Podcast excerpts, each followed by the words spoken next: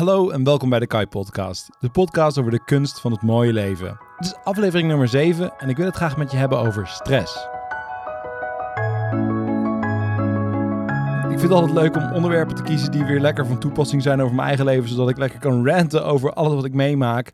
En deze week heb ik echt een behoorlijk drukke week. Echt, ik, ik loop over in de opdrachten en dat is natuurlijk supergoed. Je merkt dat het, het is nu de eerste week van september, dus Iedereen is klaar met vakanties. Vakanties zijn over. Dus iedereen bedenkt weer nieuwe plannen. Denkt van, hé, hey, dat willen we gaan doen. Laten we Kai bellen. Tenminste, zo voelt het een beetje alsof iedereen denkt van, nou, laten we Kai bellen. Laten we leuke dingen doen. Hartstikke leuk. Ben er super dankbaar voor. Dus je hoort mij niet klagen, want ik doe echt alleen maar leuke dingen. krijg alleen maar leuke opdrachten binnen. Maar het is wel veel. Het is veel om in mijn eentje op te gaan lossen. Dus ja, deze week heb ik echt al uh, behoorlijk wat deadlines. En ik merk dat dat behoorlijk wat stress met zich meebrengt. Ik denk van ja, gaat dit wel lukken? Ga ik dat wel redden zo allemaal op tijd? En, en ga ik geen mensen moeten teleurstellen en dingen moeten voor me uitschrijven? En nou ja, dat, ja daar, daar zit ik dan wel mee deze week. Dus ik merk dat dat wel behoorlijk wat stress met zich meeneemt. Ik zat ook zelf wat te twijfelen van ja, moet ik nu wel die podcast op gaan nemen? Want ja, straks krijg je je werk niet af. Dus wel weer grappig om weer terug te vallen op vorige podcasts waar ik het over heb gehad. Maar over dat doen wat je zelf wil doen dat het toch wel weer grappig blijft. Dat dat in mijn hoofd ook gewoon het eerste is waarvan je je gaat afvragen van... joh, zou ik dat aan de kant kunnen schrijven? Of ga ik gewoon, ja, weet je wel? Dus ja, stress. Ik wil eigenlijk met je beginnen over wat, wat is stress nou en hoe werkt het eigenlijk met, met, met mensen en stress? Want het is best een, een bijzonder principe wat heel veel met zich meebrengt en wat heel veel mensen anders ervaren. Dus zoals altijd met deze podcast, ik vertel over mijn eigen ervaring, hoe ik, hoe ik dingen meemaak als mens. En waarschijnlijk, ja, dikke kans dat jij het compleet anders ervaart dan ik. Snap je? Dus iedereen is anders. Dus wat ik meemaak hoeft niet per se te zijn wat, wat jij meemaakt. Maar goed, een kijkje weer in de wondere wereld van Kai. en hoe mijn brein werkt en hoe mijn alles werkt. Toen ik nog psychologie studeerde, heb ik een heel interessant artikel gelezen over stress. En dat is me altijd nog bijgebleven en daar heb ik het ook altijd over als ik lezingen geef. En dat is namelijk dat om te begrijpen wat stress is, moet je vrij ver teruggaan in de tijd. Zelfs nog, zeg maar, de oertijd van de mensen.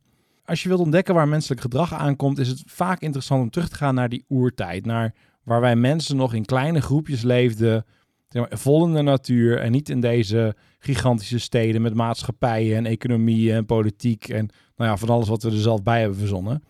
Dus als we teruggaan naar die oertijd, hoe zit stress dan? Stress is eigenlijk een soort alertheid, een soort op je hoede zijn, want er was gevaar. In die tijd werden wij bedreigd door van allerlei natuurfenomenen, zoals vuur en stormen en nou ja, gevaarlijke dieren en zo. En daar moesten we op kunnen reageren en snel op kunnen reageren. En daar is stress een hele belangrijke factor van. Want namelijk als je dus een beetje op je hoede bent, je denkt een beetje, oh ik moet wel aan kunnen gaan straks, dan maakt je lichaam je soort van klaar om te handelen. Want als we in rustmodus zijn, helemaal in rustmodus, dan zijn we niet op onze hoede. En als er dan iets gebeurt, ja, dan schrikken we en dan moeten we in één keer alles bij elkaar rapen en, en dan gaan reageren en dan zijn we vaak te laat. Dus vandaar is stress een soort aanmodus. Of tenminste een soort pre-aanmodus. Kijk, als je gevaar hebt, er is gevaar en je gaat rennen, dan ben je gewoon volop aan. Maar stress is dus een soort pre-aanmodus. Van, hey, er kan iets gebeuren waar ik heel snel op moet reageren. En dat is dan stress.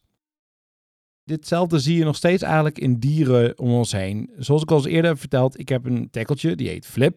Als hij iets hoort buiten, dan zie je dat die oren een beetje gaan spitsen. Ook al ligt hij een beetje slapen, zie je dat die oren een beetje gaan bewegen. Nou, dat is een soort pre-aan-modus. En als hij dan nog iets hoort, dan gaat hij aan en dan gaat hij erop af en dan gaat hij er iets mee doen. Dan gaat hij uh, blaffen of whatever. En als het gevaar dan weer geweken is, dan gaat hij weer terug naar rusten, gaat hij weer zijn eigen dingetje doen. En dus nou, daarin zie je eigenlijk nog steeds wel hoe de natuur met dit soort dingen omgaat. Hierin merk je gelijk al een heel belangrijk verschil met nu. Dat is dat Vroeger was gevaar een soort tijdelijk iets. Dat was iets wat heel even de kop opstak en daarna was het weer weg. Nu zijn we eigenlijk altijd aan. Waardoor ons brein ook eigenlijk een soort van altijd gevaar. Je moet altijd op je hoede zijn. Je moet altijd bezig zijn met wat gebeurt er in mijn omgeving. En we staan altijd aan. In ieder geval onder werktijd. Laten we dat op zijn minst zeggen. Maar wat het verschil is met vroeger is dus dat je vroeger had je eventjes aan tijd. En daarna ook een heleboel uit tijd voorbeeld van Mondje weer. Hij is wel heel even actief en aan het kijken van wat is er nou aan de hand. Of hij doet even zijn dingetje. Of als hij aan het wandelen is, dan is hij ook gewoon even helemaal aan. Maar daarna is hij ook even helemaal uit. Dan ligt hij gewoon bij ons, nou ja, in de mand of op zijn stoel. Het is niet zijn stoel, dat vindt hij zelf. Maar zo gaat het met die beestjes. Dus dan heeft hij ook heel erg uittijd. En ik merk dat in de huidige maatschappij we eigenlijk altijd geacht worden om keihard aan te staan. En uittijd is eigenlijk een beetje voor mietjes.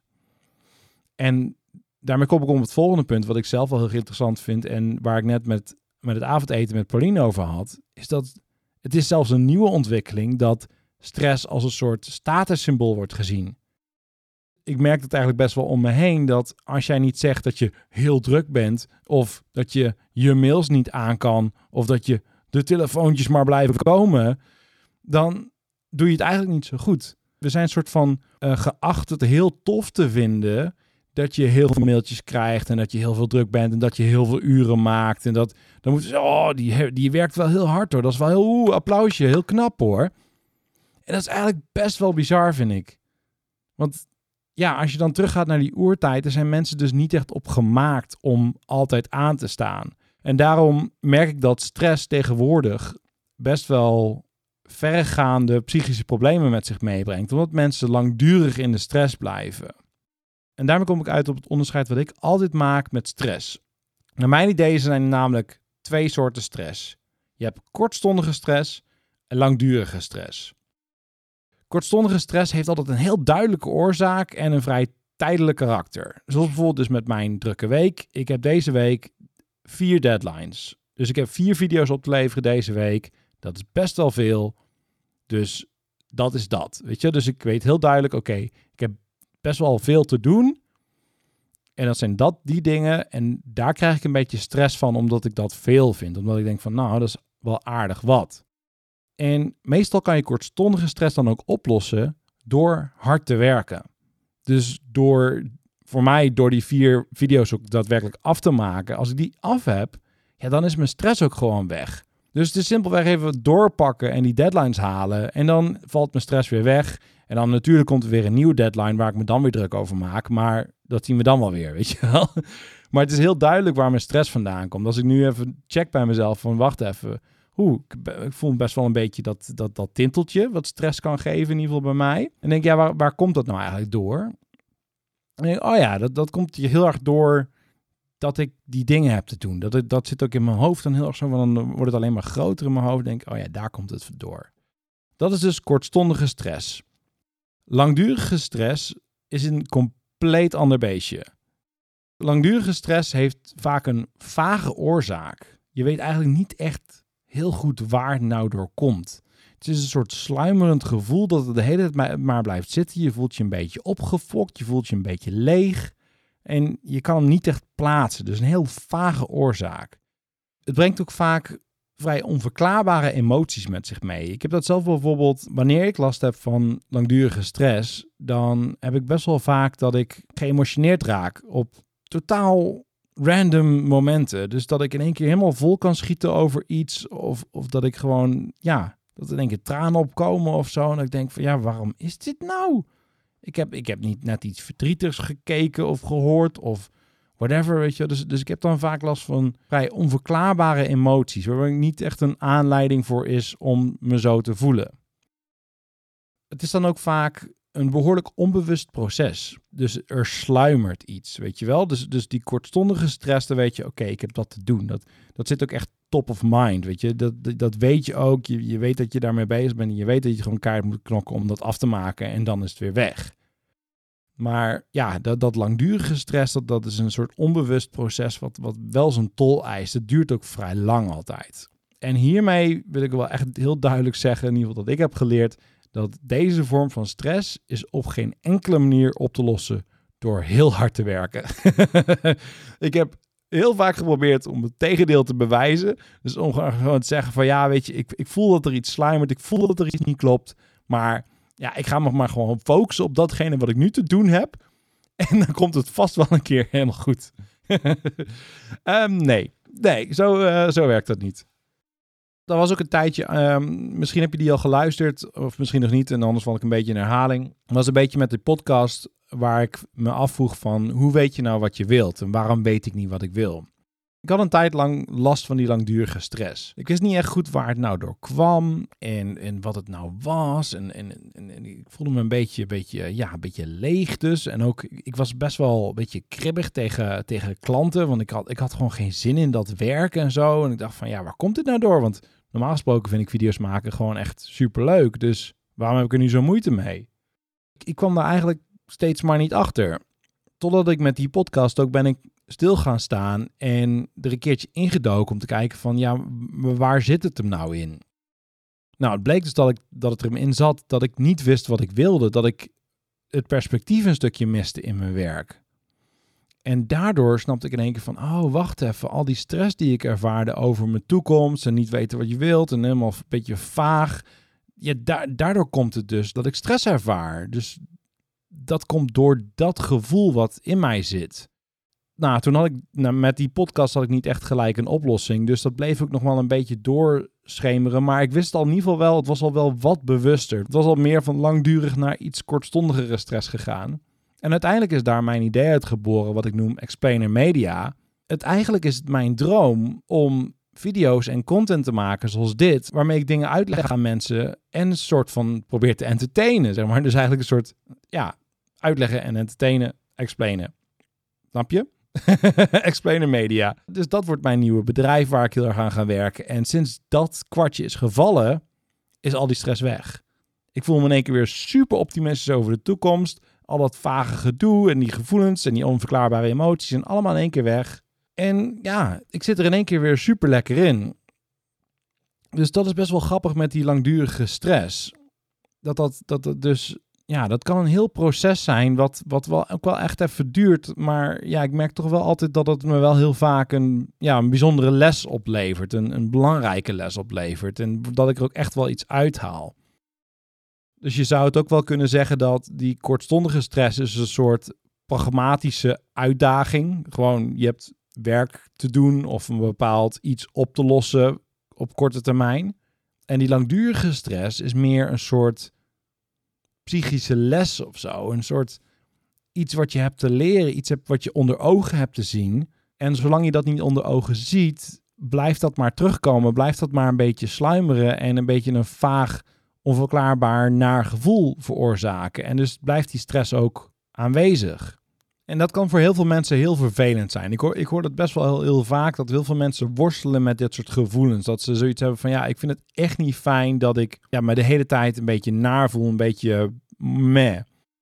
En dat snap ik ook wel heel goed. Dat, ja, dat, het, het kan ook echt wel heel vervelend zijn. En het kan ook super scary zijn om daar ook daadwerkelijk in te duiken. Om daadwerkelijk een keertje erbij stil te staan en je af te vragen van wat is het nou?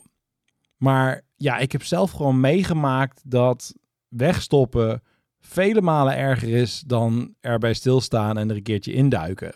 Want van wegstoppen gaat het namelijk niet weg. Vooral die langdurige stress, die gaat echt gewoon niet weg door het weg te stoppen. En dat is toch wat, wat ik. Je eerste reactie is toch zo vermijdend. Hè? Ik, ik weet niet of jij dat ook hebt, maar ik heb dat in ieder geval heel sterk. De eerste reactie is altijd om te zeggen van nee, nee, nee. Gewoon doorwerken, gewoon focus op wat je nu moet doen en gewoon handen uit de mouwen doorwerken. Voor kortstondige stress is dat dus prima. Langdurige stress is dat dus gewoon echt gewoon geen oplossing. Het maakt het zelfs, denk ik, nog een stukje erger. Omdat je datgene wat in je zit, zeg maar, dat, dat lesje wat op je zit te wachten. Die begint eigenlijk maar alleen maar harder je te trekken om geleerd te worden of zo. ik, ik, weet niet. Ik vind het een beetje moeilijk om dit uit te leggen, merk ik. Maar ik, ik hoop dat je begrijpt wat ik bedoel hiermee. Dus wegstoppen maakt het erger. Het helpt om erbij stil te staan, om nieuwsgierig te zijn, om te zeggen van ja, wat is dit nou? Waarom voel ik me zo? En daar dan ook echt gewoon de tijd voor te nemen om naar een antwoord te gaan, want het antwoord komt niet gelijk. Ja, zoals ik mijn voorbeeld net gaf, weet je, dus lange tijd ja, een beetje een naar gevoel hebben van niet weten wat je wilt. En dan sta ik er een keertje bij stil. En dan is er nog steeds eigenlijk geen antwoord. Wel een soort duidelijker beeld van waar het nou om draait. Waar nou de pijn in zit. Waar nou de, de, het, het, het, de bottleneck zit. maar nog steeds geen echt gewoon niet gelijk een antwoord. En ja, soms duurt het dan nog eventjes voordat er ook een daadwerkelijk antwoord komt waar je daadwerkelijk iets mee kan. Ik, ik zal dan ook, als je stress ervaart en je, en je denkt, ja, wat moet ik ermee? Ik, ik denk ook dat het dan daarom ook heel handig is om eerst voor jezelf te ontdekken of het langdurige stress is of kortstondige stress. En dat kan je eigenlijk vrij makkelijk ontdekken door de vraag te stellen: waar gaat dit over? Zeg maar, waar maak ik me druk om? Waar heb ik stress over?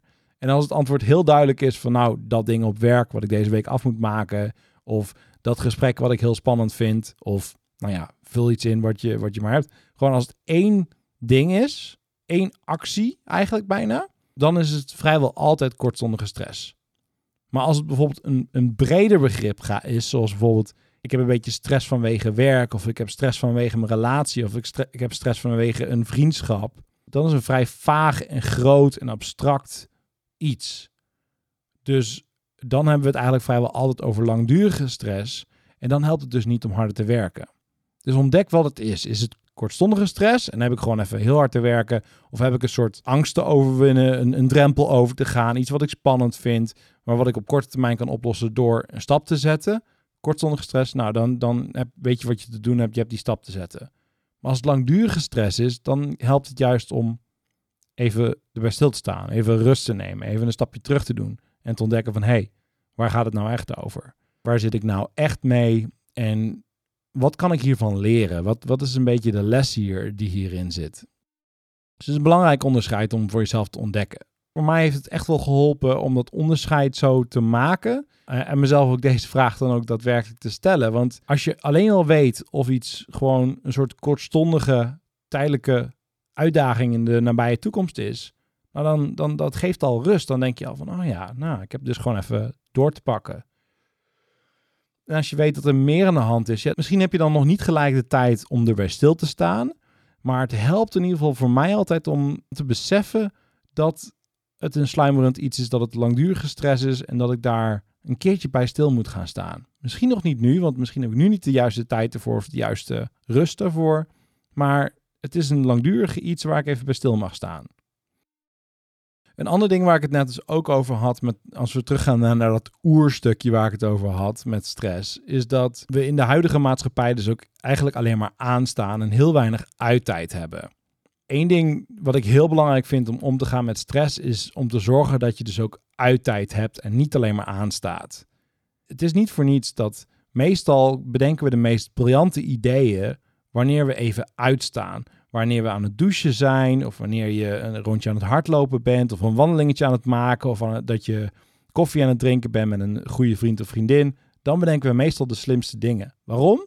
Omdat we dan even uitstaan. Omdat ons brein dan eventjes de ruimte heeft om alles te sorteren en tot een goed idee te komen, tot een goede conclusie te komen. Zolang we dat niet doen, dan blijft het maar gewoon aanstaan en het blijft maar doorgaan. En dat is ook waarom heel veel mensen tegenwoordig last hebben van dat ze s'avonds niet kunnen slapen, omdat je brein maar doorgaat. Dat betekent simpelweg dat je veel te weinig uittijd hebt. Dat betekent dat je echt te veel gewoon aanstaat. De hele tijd aan, aan, aan, aan, aan dit is wel echt een moeilijk punt in de huidige tijd. Dat, ik, ik had het hier met mijn oma over toevallig. Uh, ik, was donderdag met mijn oma gaan eten. En mijn oma is 92 en mijn oma is altijd boerin geweest.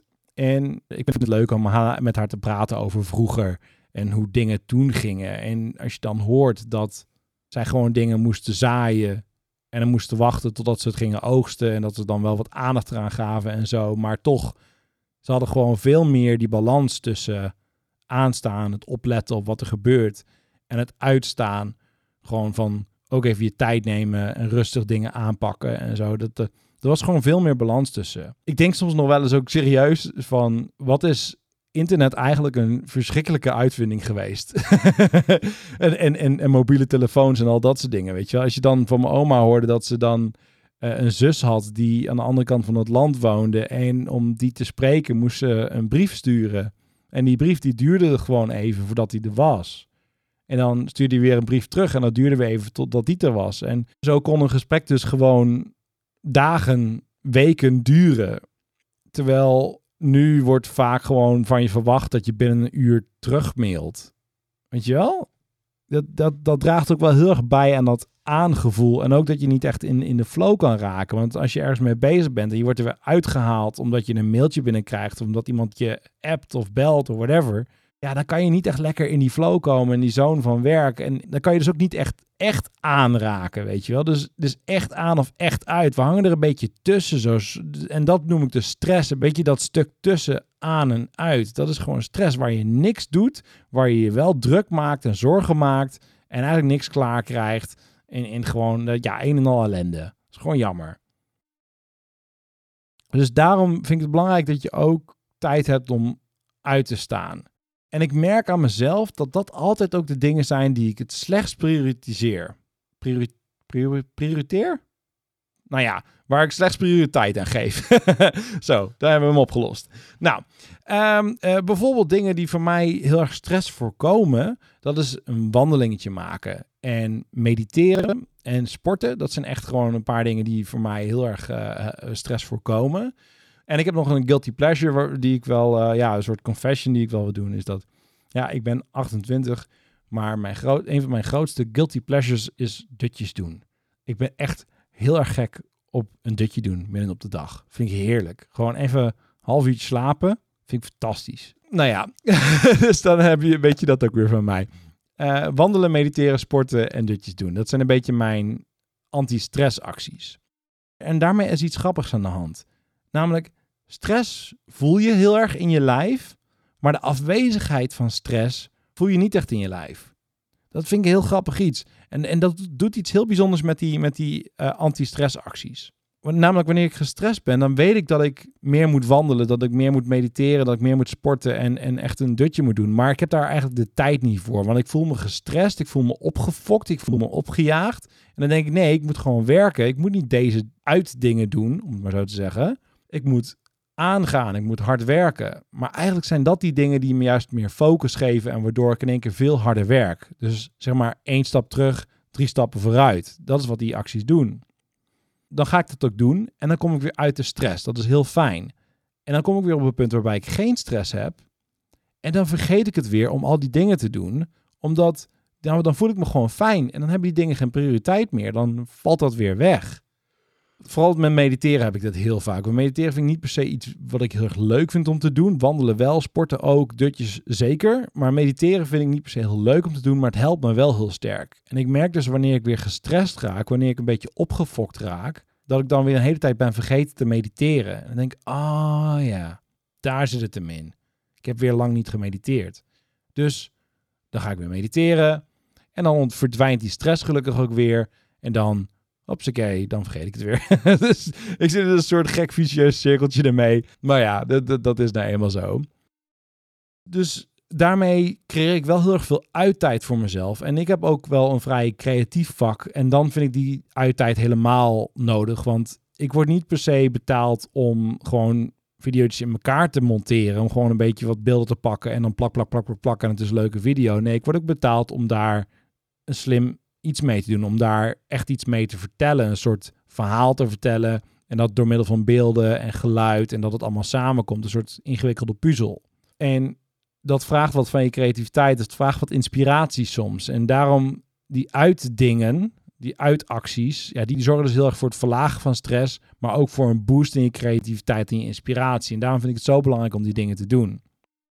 En daarmee komen we aan op de laatste tip van deze podcast. En dat is eentje die ik wel heel erg leuk vind, die ik laatst heb geleerd. Want ik ben, uh, zoals je misschien weet, ik ben behoorlijk Schotland-fan. Echt heel erg Schotland-fan. Ik ben een beetje verliefd op dat land. En laatst was ik weer een documentaire aan het kijken over Schotland. En daar werd een oude man gevraagd van... wat is nou jouw tip voor de jeugd om een fijne leven te kunnen leiden? En hij zei, two words, cool gently. Sorry, ik moest even mijn Schotse accent doen, vind ik leuk. Go gently.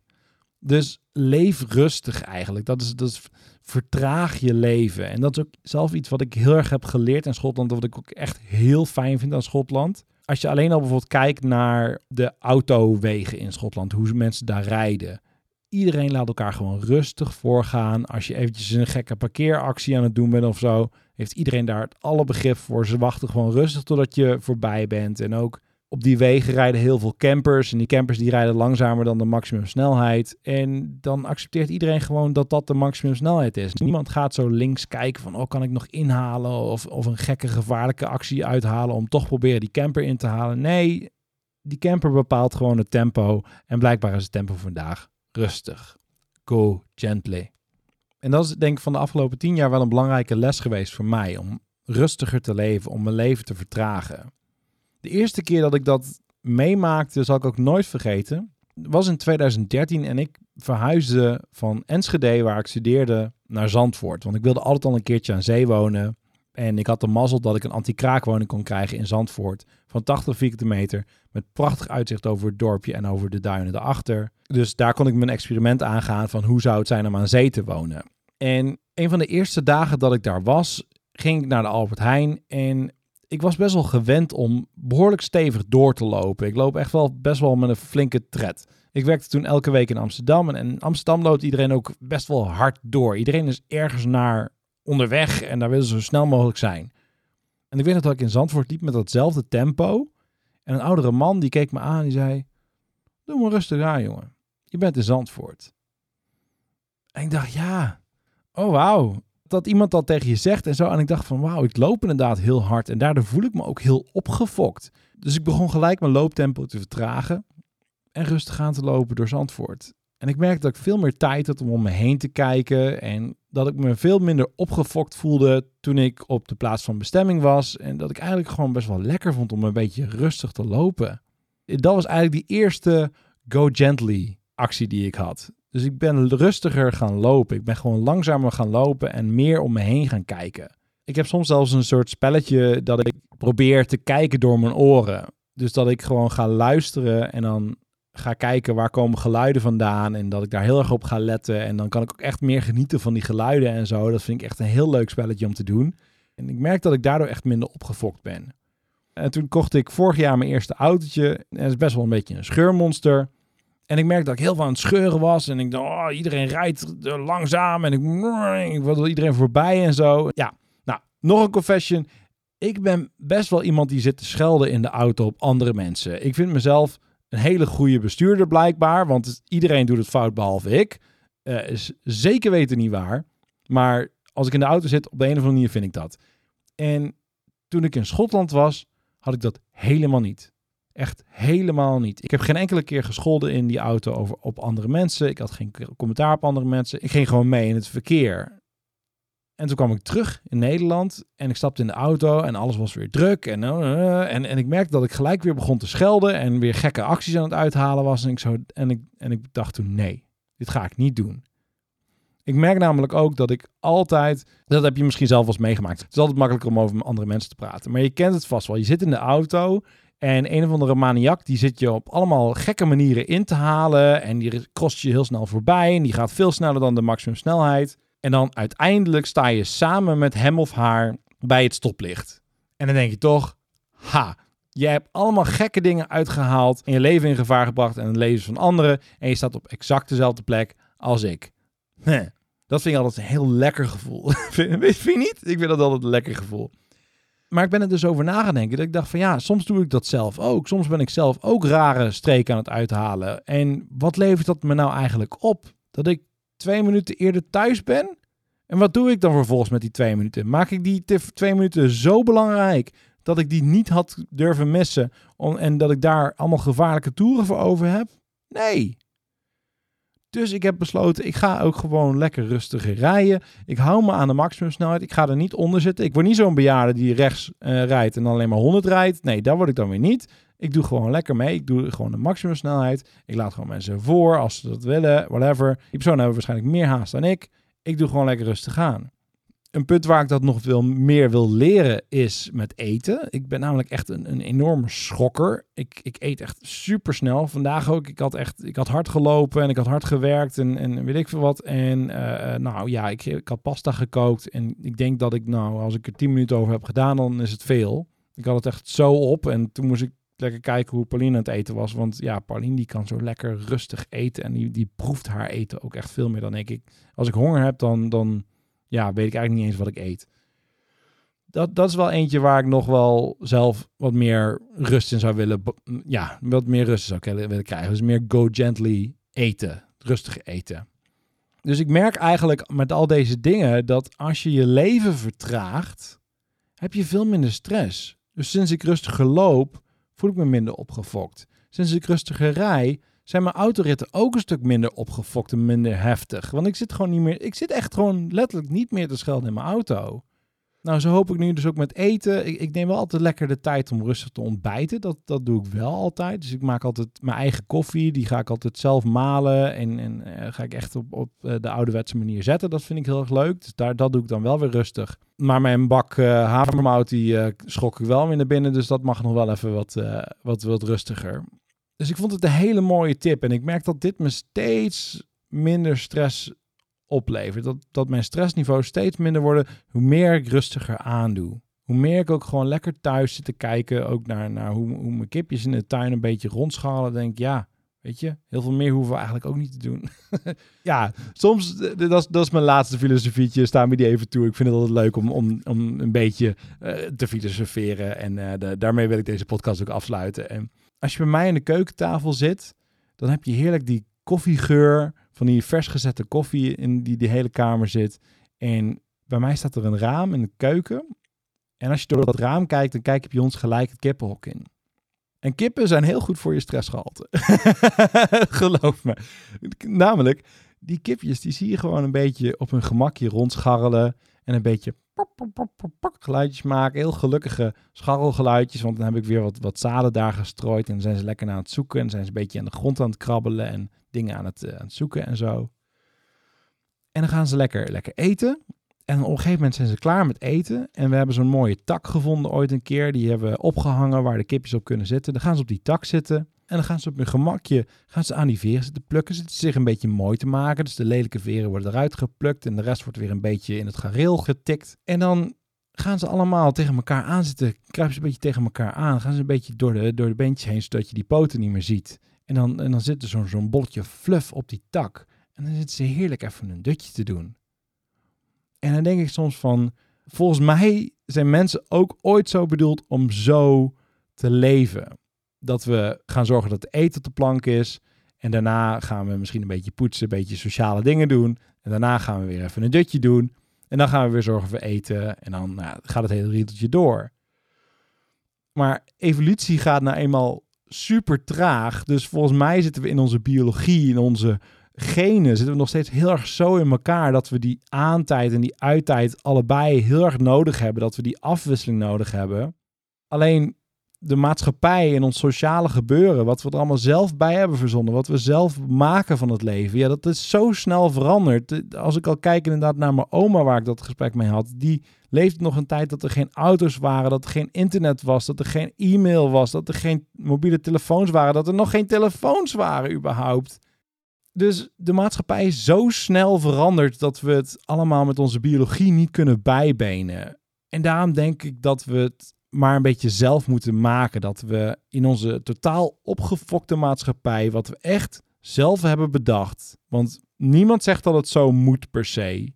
Dat het zo hoort. Het is ook anders geweest. En mensen hebben ook toen gefunctioneerd. Misschien kunnen we het zelf wel zo organiseren dat we respecteren van elkaar. Dat we allemaal aan- en uittijd nodig hebben om een gelukkig leven te leiden. Maar ook om creatief te zijn en mooiere dingen te creëren. Daar geloof ik heilig in. En daarom zouden we allemaal wat meer dat aan- en uittijd en echt dat, dat ons werkende leven en ons leven eigenlijk meer past bij hoe wij als mensen in elkaar zitten. In plaats van bij dit robot-idee wat we vaak hebben van mensen. Mensen moeten gewoon functioneren, consistent, volgens de cijfers, al dat soort zaken. En eigenlijk is dat gewoon een robot. Daarom ben ik ook wel blij als er robots komen die dat soort taakjes voor ons uit kunnen vogelen. Want ja, weet je, wij, mensen hebben zo'n unieke wijsheid en unieke sociale systemen en creativiteit en inspiratie en zo. En, en volgens mij kunnen we daar veel meer mee als we dit omarmen.